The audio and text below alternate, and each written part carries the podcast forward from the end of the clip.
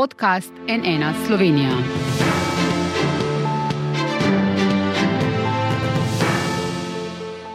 Dobr dan. Na NN nadaljujemo soočenje pred nedeljskimi referendumi o treh zakonih. Danes je na vrsti najzahtevnejši med njimi zakon o dolgotrajni oskrbi oziroma novela, ki zakon prejšnje vlade v pomembnem delu zamika za eno leto. SDS zdaj v opoziciji temu nasprotuje in je tudi za ta referendum zbrala več kot 52 tisoč podpisov. Danes jo zastopa poslanec Zvonko Črnač. Pozdravljeni. En lep pozdrav. Vladno koalicijsko stran pa zastopa Luka Mesec, koordinator Levice in tudi ministr za delo, družino, socialne zadeve in enake možnosti. Lepo pozdravljeni. Pozdravljeni. Gospod Mesec, stranke vladajoče koalicije pravite, da zakon o dolgotrajni oskrbi prejšnje vlade zamikate zato, ker je neizvedljiv še več, svarite pred katastrofalnimi posledicami, če ljudje na referendumu glasujejo proti. Zakaj je torej zakon neizvedljiv in kaj se bo zgodilo 1. januarja, če bodo ljudje proti? Mhm. Ja, dober dan, lepo pozdravljeni, hvala lepa za to istočnico. Zdaj, problem tega zakona je, da potrebuje popravke v približno dveh tretjinah členov. To pravi ta naša pravna služba na Ministrstvu za delo in to pravi enako Ministrstvo za zdravje. Oboje smo skrbnik dolgotrajne oskrbe. Mi pokrivamo socialni del, oni zdravstveni. Um, problem tega zakona je, da poskuša v bistvu pač um, neke tuje modele vnesti v slovensko resničnost. Recimo v Angliji poznajo oskrbovalne in negovalne domove, pri nas imamo domove za starejše. Po prvem prvem bi se morali naši domovi za starejše nekako prekategorizirati v oskrbovalne in negovalne domove, pri čemer noben ne izpolnjuje kriterijev za eno ali drugo. Ne, se pravi, vprašanje je, ali bodo po tem zakonu sploh še legalno izvajali dejavnost, ki jo pač zdaj izvajajo. Drugo vprašanje um, so recimo CUDV, kjer je 2000 invalidov. Um, zakon recimo narekuje, da bomo morali prvega prvega imeti zdravniški izvedenski organ, ki ga ni, um, ki naj bi 2000 oskrbovancev tam ponovno ocenil in jim bodi si ponovno podelil pravice, bodi si ne. ne. In tako naprej. Skratka, en kup takih stvari je noter, ki bodo lahko vodile do tega, da se bomo znašali v protipravnem položaju, če ne bomo tem ljudem, 22 tisoč oskrbovancem v domovih za starejše, pač na nek način začeli odrekati pravic, ki jih zdaj uživajo. In zato mene skrbi, mislim, tega ne govorim kot um, predstavnik katere koli politične opcije, to govorim kot minister, ki je odgovoren za ta, um, za ta segment. Vsak minister uh, bi bil na mojem mestu enako zaskrbljen. In zato pozivam ljudi, da glasujejo za na referendumu, da dobimo eno leto časa, da stvari uredimo uh, na boljše in ne na slabše. Gospod Črnač, v SDS govorite o tem, da želi vlada dolgotrajno oskrbo ukiniti, ljudem pa oduzeti pravice, da morajo zato ljudje glasovati proti v nedeljo. Kako odgovarjate gospodu Mestu, ki pravi, ne, da je zakon nedodelan, da rešitve niso izvedljive, da bi se lahko celo izvajalci znašli v protipravnem položaju? Ja, gledajte, zakon, ki je bil sprejet v času prejšnje vlade, decembra lani in začel veljati januarja letos, je uzakonil pravice ljudem, pravice do dolgotrajne oskrbe. O čem govorimo? Govorimo predvsem o višjem nivoju socialnih in materialnih pravic vseh, ki potrebujejo pomoč drugega za upravo vsakodnevnih upravil pri preoblačenju, prehrani in tako naprej. Skratka, gre predvsem za starejše in za invalide.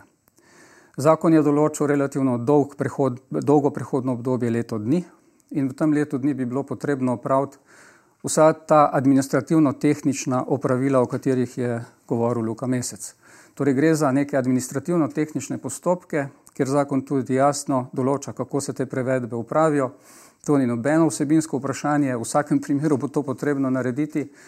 Zdaj, eh, eh, kolega oziroma minister Mesec pravi, eno leto je premalo časa, da bi to naredili, verjetno bi bilo tudi dve leti premalo časa.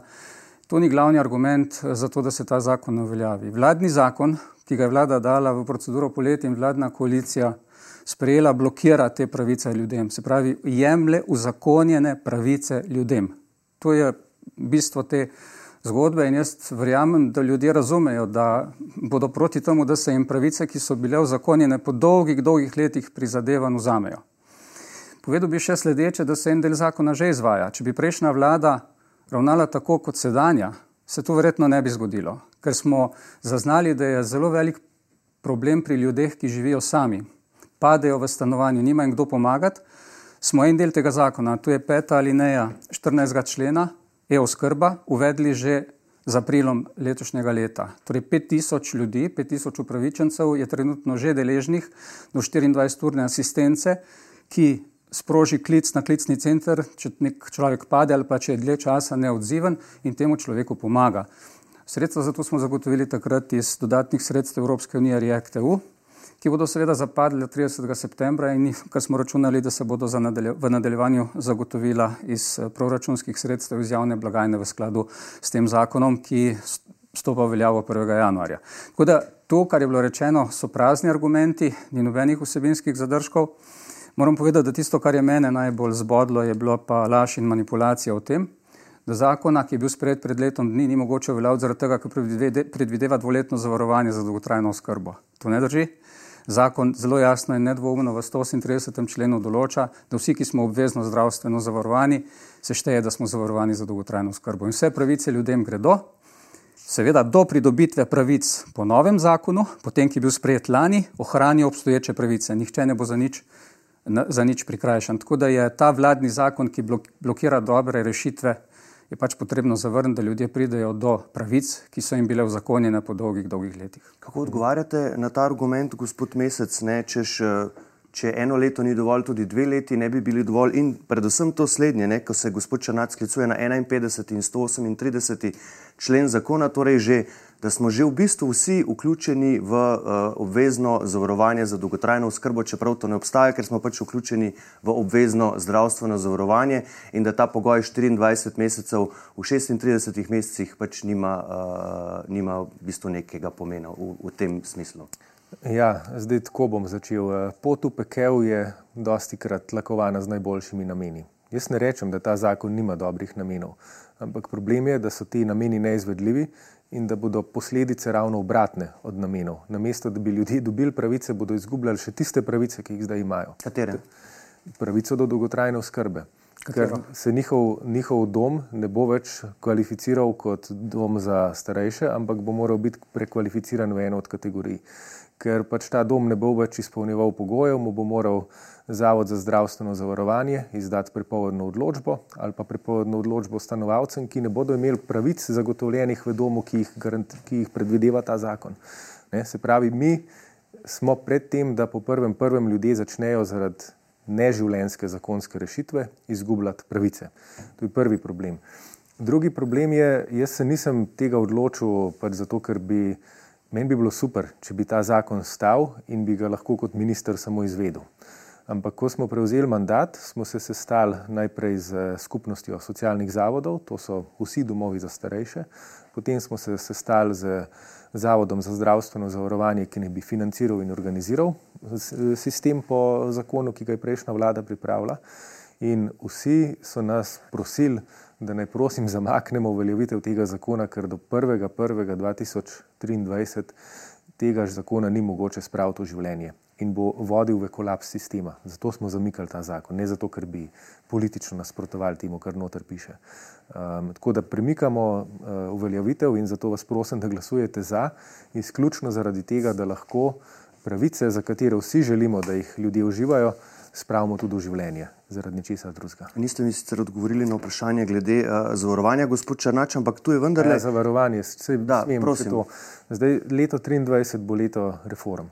In uh, mi planiramo skupaj delati več stvari. Davčno reformo, zdravstveno reformo, dolgotrajno skrbo skupaj z osebno asistenco. In uh, vprašanje prispevka za dolgotrajno skrbo v tem zakonu ni rešeno ni odgovorjeno, kako naj bi se, osebna, eh, kako naj bi se dolgotrajna oskrba financirala. Ga bomo pa. Poseben zakon do 2025. Seveda, ja, ampak na poseben zakon lahko tudi jaz napovem kar tako. Uh mhm.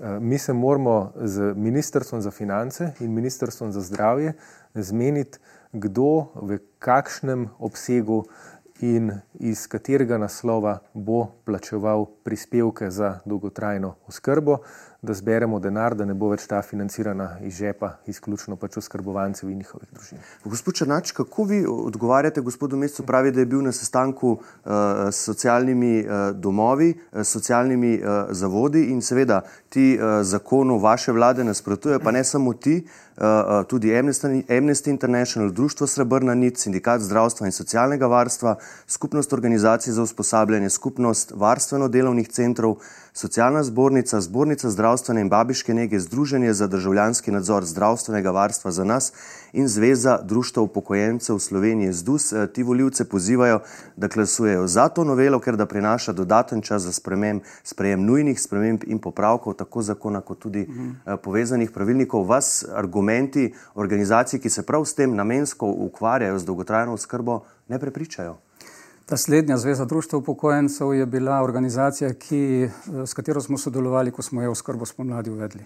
Torej, ta organizacija, ki je zdaj pod nekim političnim diktatom nove oblasti, eh, pač se postavlja proti temu, eh, da ljudje dobijo več pravic, kar je zaskrbljujoče, če predstavnikov tistih, katerim te pravice po zakonu, ki je bil sprejet pred letom dni, gredo, se postavijo proti, potem je nekaj narobe veste, v sistemu in govorijo o tem, da imamo vse, kar se Zavoda za zdravstveno zavarovanje tiče in še nekaterih institucij, izjemno zbirokratiziran sistem, ki bi ga bilo potrebno reformirati, ker ne deluje v prid ljudem. Zdaj, to, kar je zdaj povedal uh, gospod Mesec, če ste ga pozorno poslušali, ste lahko sami slišali, da ni nobenih argumentov. Oni so iskali rešitve poleti, kako nekaj, kar je bilo sprejeto pred pol leta, ne bi uveljavili. Kar razumem, ker so bili proti takrat. Tako levica, kot socialni demokrati, kot obe ostali stranki, ki ste zdaj utopljeni v svobodo, so bili proti temu dobremu zakonu, ki daje ljudem pravice, ki na sistemski način ureja to področje. Glede teh dveh let, eh, te dve leti bodo od takrat, ko se bo obvezno zavarovanje za dolgotrajno oskrbo uvedlo, kar je rok 30. juni 2025, to piše v zakonu, Piše v zakonu, da se bo, piše v zakonu, da se bo, piše v zakonu, da se bo uvedlo uh, z zakonom ja. o tem, kako in na kakšen način. Zato je odgovoren, da tak zakon pripravi minister. To ste trenutno vi oziroma minister pristojen za zdravje, ne torej, opozicija. Če bi, mi, če bi mi nadaljevali delo, boste pripričani, da se danes ne bi pogovarjali o tem, ali blokirati rešitve, ki so bile pred letom dni sprejete, ker bi jih s 1. januarjem uveljavili. Nobenega referenduma ne bi bilo potrebnega, če bi naša vlada nadaljevala delo. Bi pa prosil gospoda Mesta, ne prebere 138. člen na glas, prosim. Preberite, prosim, 138. Zakaj ga nočete prebrati? Preberite vi. Da, da se boste slišali, kako lažete. Znam ta zakon. No, potem ga bom pa, oprostite, ja. potem ga bom pa jaz prebral. Ja. 138. člen zakona pravi, vključitev v obvezno zavarovanje za dolgotrajno oskrbo po uradni dožnosti. Z dnem začetka uporabe tega zakona, to je bilo 18. januarja letos, se šteje, da so v obvezno zavarovanje za dolgotrajno oskrbo vključene vse osebe, ki so na dan začetka uporabe tega zakona vključene v obvezno zdravstveno zavarovanje in izpolnjujejo pogoje iz 51. člena stalno bivališče in tako naprej, kar moramo izpolnjevati tudi za obvezno zdravstveno zavarovanje. Torej, noben ne bo izgubil nikakršne pravice, ker smo vsi zavarovani. In nadalje, tako Zavod za zdravstveno zavarovanje, kot domovi za starejše, ti socialno-varstveni zavodi in vsi ostali, vodstva CUDV-jev, ki jih je omenjal gospod Mesec, so dolžni na podlagi 139. člena zakona opraviti ustrezne prevedbe. Za nekatere se je rok že iztekel 30. oktober letos. Jaz upam, da so bile upravljene, ker zakon velja. Ta zakon velja. In govori o tem, da morajo biti do 30. oktober vsi oskrbovanci v domovih za starejše administrativno prevedeni v nove kategorije. Tukaj ne gre za nobena izvedenska mnenja, pač pa za neko administrativno tehnično upravilo, ki ga je potrebno narediti samo zaradi tega, da se vzpostavi neka administrativna hrbtenica za začetek delovanja novega sistema. In pri argumentih, ki jih poslušamo strani koalicije in gospoda Mesca in gospoda Daniel Bešič Loredana, gre za iskanje, za iskanje, eh, za iskanje načina, kako bi eh, na nek revanšističen način izničili dobre rešitve, ki jih je sprejela prejšnja vlada. Na hrbtih, na hrbtih ljudi, ki pomoč potrebujejo. To je pa najbolj zavržno, kar je lahko. Revanšizem vam učitajo, gospod Mah. Lejte, lepo prosim. No, mislim, eh, zdaj kot prvo, eh, zakaj hudiča bi kdo revanšizem zganjal na zakonu za dolgotrajno skrbo in kakšen revanšizem točno bo, bi bil to.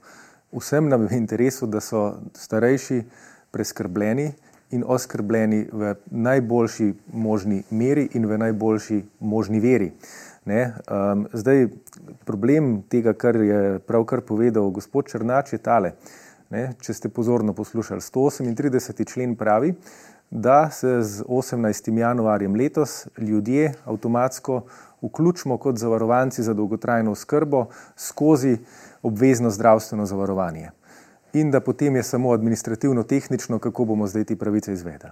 Glede, mi imamo zdravstveno blagajno, ki vsako leto, um, kjer vsako leto zmanjkuje denarja, kjer imamo ogromne čakalne vrste, deloma zaradi organizacije, ampak tudi zaradi pomankanja denarja, in kjer vsak mesec dobimo 400 tisoč pač novih napotnic, ki ljudi postavljajo v čakalne vrste. Zdaj, če bi sledili temu, kar je gospod Črnač povedal, bi rekel, ok, bomo dolgotrajno skrbo sfinancirali tako, da recimo 20% iz vreče, ki se zdaj zbira v zdravstveni zavarovalnici za zdravstvene storitve, premaknemo v dolgotrajno skrbo.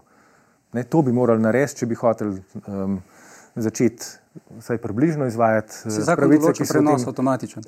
Pa gledajte, kakšnih 20%? Vi niste nobenega dodatnega vira zagotovili, vi ste v isti vreči denarja, ki zdaj gre v zdravstvo, rekli, naj financira še dolgotrajno skrbo. Dolgotrajno skrba pa stane, odvisno kako jo bomo predelili, ampak med 600 milijonov in milijardo na leto. Lete, pač tega denarja mislim, ni, ni, seveda ga ni, se ni nobenega novega prispevka. Da, da mislim, zelo zelo lahko je to pozna, na pamet govoriti iz opozicije, mislim malo drugače pa je, ko je, ko je treba pač sestavljati proračun, ko je treba pač po, pokazati, iz kje se bo kaj plačevalo. Moram, tega ta zakon ne dela, ta zakon pač blefira. Da, lete, jaz da moram reči, da gospod mesec tega zakona, ne glede na to, da je bil poslanec, ko se je sprejemal lani decembra, očitno ne pozna ker ta zakon v, določa avtomatičen prenos dela sredstev pokojninske in zdravstvene blagajne v nekih dveh odstotkih, odstotkov uh -huh. in pol za zagotavljanje eh, dela sredstev za dolgotrajno skrbo. Proračun za prihodnje leto je do nekaj ur nazaj imel zagotovljenih 97 milijonov evrov pri ministru za zdravje za dolgotrajno skrbo. Z tega je vladajoča koalicija zmanjšala za 79 milijonov, istočasno pa dala plus 52 milijonov v skrbi nezakonitih migrantov. Torej, sredstva so bila zagotovljena. Eh, tudi, če so jih zdaj z rebalansom zmanjšali, bo pač potrebno narediti prerasporeditve, ko bo zakon uveljavljen v letu 2023, pri 16,7 milijardah, verjamem, da se bo našlo 79 milijonov. Ampak ni problem v denarju. Ne? Gospod Mesec sploh ni odgovoril na te laži in manipulacije, ki sta jih skupaj z ministrom in njihovi visoki državni uradniki zadnje dni trosla v javnosti o tem, da moraš biti zavarovan 24 mesecev za to, da si upravičen. Ne? Tega sploh pa ni odgovoril in ni mogel zanikati nekaj, kar črno na belem piše v zakonu, da ne drži.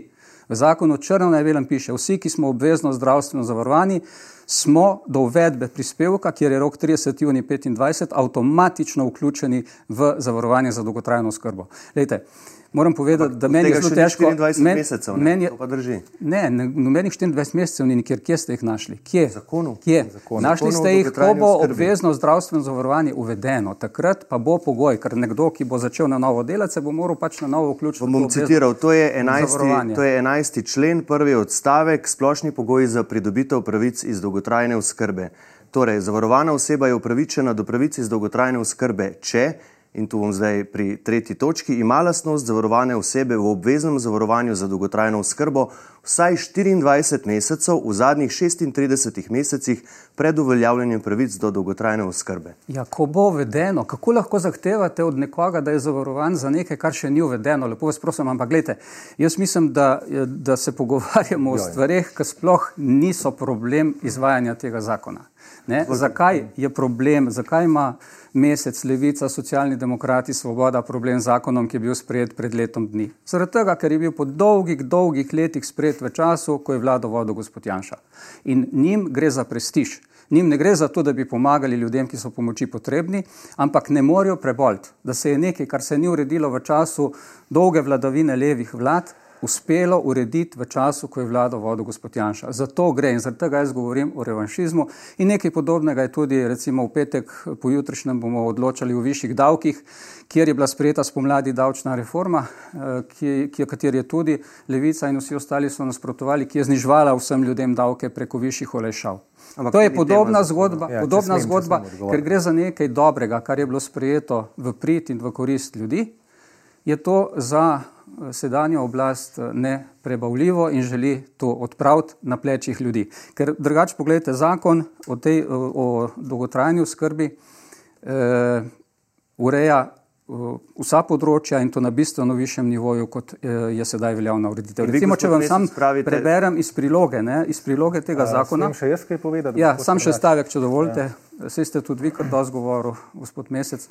Priloga določa nivo teh pravic. Ne. Nekdo, ki je v oskrbi v domu za starejše in morajo za enega skrbeti 24 ur dnevno, je upravičen po tem zakonu do 1870 evrov storitev, zato ker ga morajo hraniti, preoblačiti in tako naprej.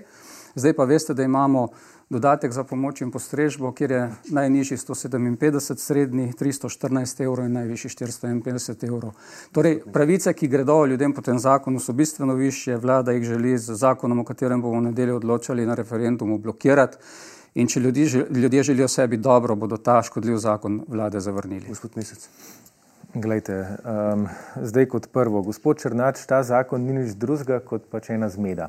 Ne, vse, kar ste zdaj govorili, jaz ne vem, če kdo razume, pač, kdaj se katero zavarovanje uvede, kakšne pravice uh, naj bi iz njega izhajale, uh, kaj naj bi bil ta prispevek za dolgotrajno skrbo, kako naj bi se ta izvajala. Pač ena zmeda je. In zato imamo problem s tem zakonom, ker enako ga berajo vsi izvajalci, financeri, civilna družba, tisti uporabniki, ki so ga prebrali. Pač iz tega zakona ni mogoče vzpostaviti sistema, ki bi deloval in zagotavljal kakršne koli pravice ljudem. Kakršne koli pravice. Ne? In zato imamo cel seznam, ki ga je prej kolega prebral, pač od srebrne niti do skupnosti socialnih zavodov, do uh, Zavoda za zdravstveno zavarovanje, do Zveze društev upokojencev, vsi so za to, da se na referendumu podpre našo novelo, ker jih skrbi, da nam bo sistem kolapsiral, če se ta zmeda, ki ste jo vi v zakon napisali, uvede. Zato spreminjamo vse skupaj. In, in, drugo, uh, in drugo, kar bi uh, tukaj želel povedati, je pa to. Um, v našem taboru, se pravi taboru za, so dobesedno vsi. Civilna družba, upokojenske organizacije, izvajalci, domovi za starejše, uh, Eh, varstveno-delovni centri, vsi so tukaj. No. Na drugi strani imamo pa kaj? Imamo pa pač eno opozicijsko stranko, ki se je iz pač čistega spotikanja vlade lotila zbiranja podpisov in je zdaj um, edina, ne, ki ta zakon zagovarja. Zakaj ga zagovarja? Zaradi tega, ker hoče po prvem prvem povzročiti še več problemov vladi, ampak se mene to ne moti, če povzroča probleme vladi. Problem je, da bo povzročila problem vsem ki danes uživajo pravice do dolgotrajne oskrbe, vsem 22 tisočim. Oni bodo imeli problemi in oni so vaš za, za vas očitno pač vsi starejši, ki so danes v domovih za starejše, očitno pač kolateralna škoda vaših političnih igr. No, v taboru proti je najprej preko 52 tisoč tistih, ki so zahtevali referendum o tem vladnem škodljivem zakonu. V taboru proti so vsi tisti ljudje, ki jim je bila po dolgih, dolgih letih prizadevanj lani decembra uzakonjena pravica in upravičenja, ki se nanašajo na dolgotrajno oskrbo. V taboru proti so vsi tisti, ki spoštujejo in podpirajo tiste, ki delamo v korist ljudi. Nobenega kolapsa sistema ne bo zaradi tega zakona, nobenega kolapsa, ker uh, moram reči, da gospod Mesec, gospod Mesec še vedno govori tako, kot da bi bil še vedno opozicijski poslanec. On še vedno uporablja isto retoriko, kot je uporabljal, ko je nasprotoval temu zakonu decembra lani. Ne zaveda se, da je pol leta minister in da je ta zadnja dva, pol leta, zadnjega pol leta on odgovoren za implementacijo tega zakona. Ne glede na to, da je bila vložena zahteva za referendum, ki blokira ta zakon, bi moral v tem času poskrbeti, da bi se vse tisto, za kar so roki že potekli, tudi izvršilo. Jaz srčno upam, da ste poskrbeli ker v nasprotnem primeru seveda nosite vi največjo odgovornost, posledično pa tudi vse institucije, ki jih ti roki zadevajo. Zdaj še glede kolapsa sistema. O, uh, gospod Mesec zelo vehementno meče te številke o nekaj stotinah milijonov, tukaj je bilo zdaj govora, mislim, da o 700 milijonih. Ja. Uh, številke tega zakona za prihodnje leto so nekje na nivoju uh, 100, 180 milijonov evrov, ki so zagotovljena v proračunu ta sredstva. Eh, številke v, končni, v končnem letu uveljavitve pa nekje med 300 in 400 milijonov evrov, kar je znesek, ki si ga ta država lahko privošči oziroma si ga mora privoščiti za to, da poskrbi za starejše in tiste, ki potrebujejo pomoč tretjih. Gospod Mesec je govoril lani oziroma letos pomladi še, ko je bila sprejeta davčna reforma, da bo ta nižji znesek dohodnine, s katerim smo odvigali plače vsem zaposlenim že v letošnjem letu, pomenil izpad 800 milijonov iz naslova dohodnine. A veste, koliko bo več dohodnine letos? Njihov dokument, ki smo ga sprejeli pred kakim mesecem dni, rebalans proračuna za letošnje leto. Več bo 50 milijonov evrov iz zakona. To ni tema zakona o dolgotrajni Ja, govori o tem, da, je, da so njegove izjave popolnoma neverodostojne, manipulativne, da govori kot nek opozicijski poslanec, ne pa kot minister, ki je odgovoren za ureditev tega področja. Pa vas bom takole vprašal, gospod Mesec, zakaj pa vlada poskuša zdaj z dodatnim manevrom še enega zakona o dolgotrajni skrbi, ki razveljavlja zakon prejšnje vlade, po informacijah NN prekopira kar velik del roke, zamika še dodatno do 1. oktober 2024. Ministr za zdravje Bešič Loredan pa ga želi po nujnem postopku skozi državni zbor spraviti do konca leta, torej v enem mesecu. A vi v levici to podpirate? Ne podpiramo in uh, tudi gospod Bešič Loredan je odstopil od tega plana. Aha, torej je ja. že mrtev, ga Tako. ne bo. Ja, ampak ta ne. zakon, gledajte, je bil pred dnevi poslan Glejte, desetim no, naslovnikom. Desetim naslovnikom. Jaz sem tudi vas poslušal. Dovolite, da jaz povem. Zmeda še večja. Mi, um, na Ministrstvu za delo in Ministrstvu za zdravje od poletja naprej intenzivno iščemo rešitev, kako se iz te zagonetke rešiti. Problem je, da je ta zakon, ki smo ga podedovali od prejšnje vlade, ena navadna administrativna zmeda, ki nam bo povzročila kolaps sistema. Drug problem, ki ga imamo, je, da imamo Evropsko komisijo, kjer je prejšnja vlada napisala, da bo uh, dolgotrajna oskrba urejena, in imamo mejnik, ki ga moramo izpolniti, zato da bomo upravičeni do črpanja evropskih sredstev. In zdaj mi moramo pač v. Ne, in tretji problem, ki ga imamo, je, da smo z referendumsko blokado prišli do tega, da mi do najverjetneje 24. januarja, ko bodo znani referendumski rezultati, če bo izglasovana njihova opcija, pa celo eno leto, ne smemo posegati v isto družbeno razmerje. In bomo, niste, ne, se upravičujem, in, niste nekako in, razmišljali, da boste državno volilno komisijo, da boste dali predlog strani vlade, da pač če bo tistih, ki so za, več kot tistih, ki so proti, in torej v tem primeru kvorum 338 tisoč voljivcev, ni potreben, da državna volilna komisija ta rok skrajša, A? da bi bilo še pred novim letom, a boste to zdaj naredili? Hvala za to istočnico. Smo ta, to pobudo dali, veste, kaj so njihovi člani na eh, državni volilni komisiji odgovorili da bodo v tem primeru pripravili pritožbo, ki nam bo postopke zavlekla do maja.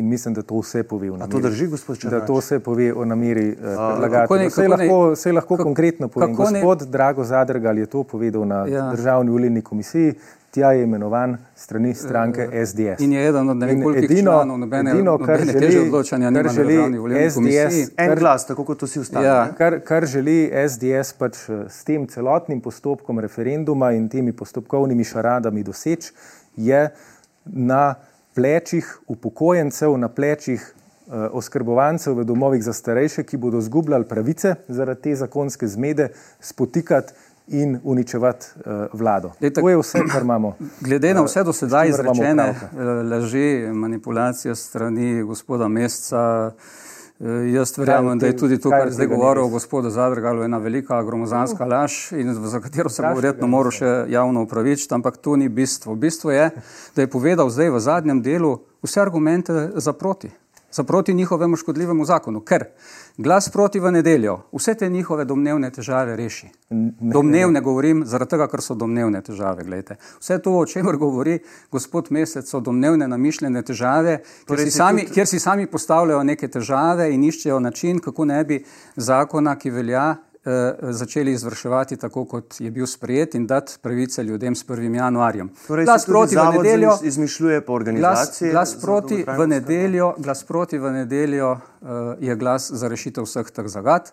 Glas proti njihovemu škodljivemu zakonu je glas za uveljavitev pravic starejšim, ki si zaslužijo, da ta država, na kar so nas številne institucije upozarjale vrsto let, končno uredi področje dolgotrajne oskrbe. In še en argument, ki ga sam nisem želel izpostavljati, ker s takimi javnimi izjavami sami sebi škodimo, ga je pa navedel gospod Mesec. Potencialno se izpostavljamo izgubi evropskih sredstev iz načrta za okrevanje in odpornost v višini milijarde in pol. Zakaj? Zaradi tega, ker je ta zakon ne samo formalen sprejem, ampak uveljavitev, tako kot je bil sprejem, eden iz menikov pri dostopanju do teh nepovratnih evropskih sredstev. Gospod Mesec je sam to povedal, da je lahko to problem in vsem tem problemom, gledajte, se izognemo z zelo enostavno potjo. V nedeljo na referendumu obkrožimo proti in vse te stvari in vse te domišljene težave bodo, nepotrebne težave, ki so si jih sami zakuhali, bodo rešene. V sklepnem delu smo, uh, gospod Mesec, se lahko na tem ja. mestu zavežete, da nihče s prvim prvim ne bo izgubil pravic pri oskrbi, da ne bo plačeval več, ne glede na to, kaj se zgodi v nedeljo. Najprej to zelo na kratko danes, se lahko zavežete. Ob glasu za se absolutno zavezujem, da bo temu tako. Če pa ob, ob proti, glasu, pa ne morete. Ob glasu proti, gledajte, pa mi dobimo neživljensko zakonsko ureditev, ki bo um, vodila v kolaps sistema, ki je ne bomo smeli zaradi ustavnih omejitev spremenjati eno leto. In še, in to, to, še... je pač, to je tveganje glasu proti. Dobro. In jaz vas prosim ne zato, da podprete vlado, ampak zato, da lahko oskrbovanci v domovih za starejše uživajo še naprej pravice, ki jih imajo, glasujete za, da, ne, da, da se ne igramo pač eh, konec koncev pač z njihovimi pravicami, eh, njihovo dobrobitjo in njihovimi življenji. Se lahko, tudi zavežete, se, lahko, se lahko tudi zavežete, da bo vlada, ne glede na razpleto nedeljo, pripravila zakon, ki bo urejal to akutno področje, ki bo ljudem zagotavljal oskrbo, ki bo prinašal nadzor nad porabo sredstev, da ne bo prihajalo do zlorab in ki bo imel podporo stroke, izvajalcev, ZZZS-ja ter seveda uporabnikov in zaposlenih, dokdaj in kakšen bo prispevek, bo to progresiven prispevek, kaj bo to. Tako in na tem delamo že od poletja. Se zavežete in dokdaj tak zakon bo? Tak zakon bo sprejet v prvi polovici leta 2023. 23. Gospod ja. Črnač, kaj pravite na to? To bo torej 144. verzija. Ne potrebujemo je. Ne potrebujemo 144. verzije, dovolj je 143, ki je bila sprejeta lani decembra. Po tej izjavi moram še enkrat povedati, da gospod eh, Luka Mesec žal ni prestopil iz čevlja opozicijskega poslanca v čevlje ministra. Vkolikor bi jaz danes bil v njegovih čevljih, bi na prvo vprašanje zelo jasno in nedvomno povedal, da ne glede na izid referenduma nihče ne bo izgubil nobene pravice, da pa bodo ljudje, ki potrebujejo pomoč drugih, v primeru glasu proti slabemu zakonu, dobili s 1. januarjem bistveno višji obseg pravic in da bo minister ne, storil vse, da bodo te pravice čim prej tudi uresničene. Če zaradi tega spanja polletnega se bo zgodil kakšen zamik, pa bo nekdo dobil pravico na mest 1. januarja, 1. marca, nič hudega, dobil jo bo na bistveno višji osnovi, ker bo do 1. marca užival obstoječe pravice. Skratka, nihče ne bo ostal brez obstoječih pravic in do pridobitve pravic po zakonu, ki je bil sprejet pred letom dni in ki ga želi vlada zdaj s tem zakonom, ki ga imamo na referendumu, blokirati. Eh, bo pač te pravice eh, uveljavljal. Kaj odgovarjate na ta izziv, gospod Mesec? Jaz sem to odgovarjam, da me veseli, da je gospod Črnač v opoziciji, ker če bi imeli oblast, ki bi se tako neodgovorno obnašala, bi me resno skrbeli. Ne mi, samo, kaj bo z dolgotrajno skrbom, ampak kaj bo. Če bi mi nadaljevali delo, sem prej povedal, se o tem sploh ne bi pogovarjali. Zdaj bi vse te opravila administrativno-tehnično bila narejena in zakon, ki je bil sprejet lani decembra, bi s 1. januarjem izvrševali. Nobeden uh, od starostnikov in tistih, ki potrebujejo pomoč, se ne bi tresel, kaj se bo zgodilo. Torej, mi bi delo nadaljevali in zakon uveljavljali. Vi ste ga, vi ste ga pa z vašim referendumom. No, hvala. No, zdaj bodo pa na koncu v nedeljo odločili ja. Ljudje, spoštovana gosta, gospod Zvonko Črnač, gospod Luka Mesec. Hvala, da ste prišli. Hvala tudi vam za povabilo. Hvala pa tudi vam za vašo pozornost. V petek seveda sledi še soočenje o zadnjem zakonu, o zakonu o RTV Slovenija, zato bodite z nami. Za danes pa hvala lepa in nasvidenje.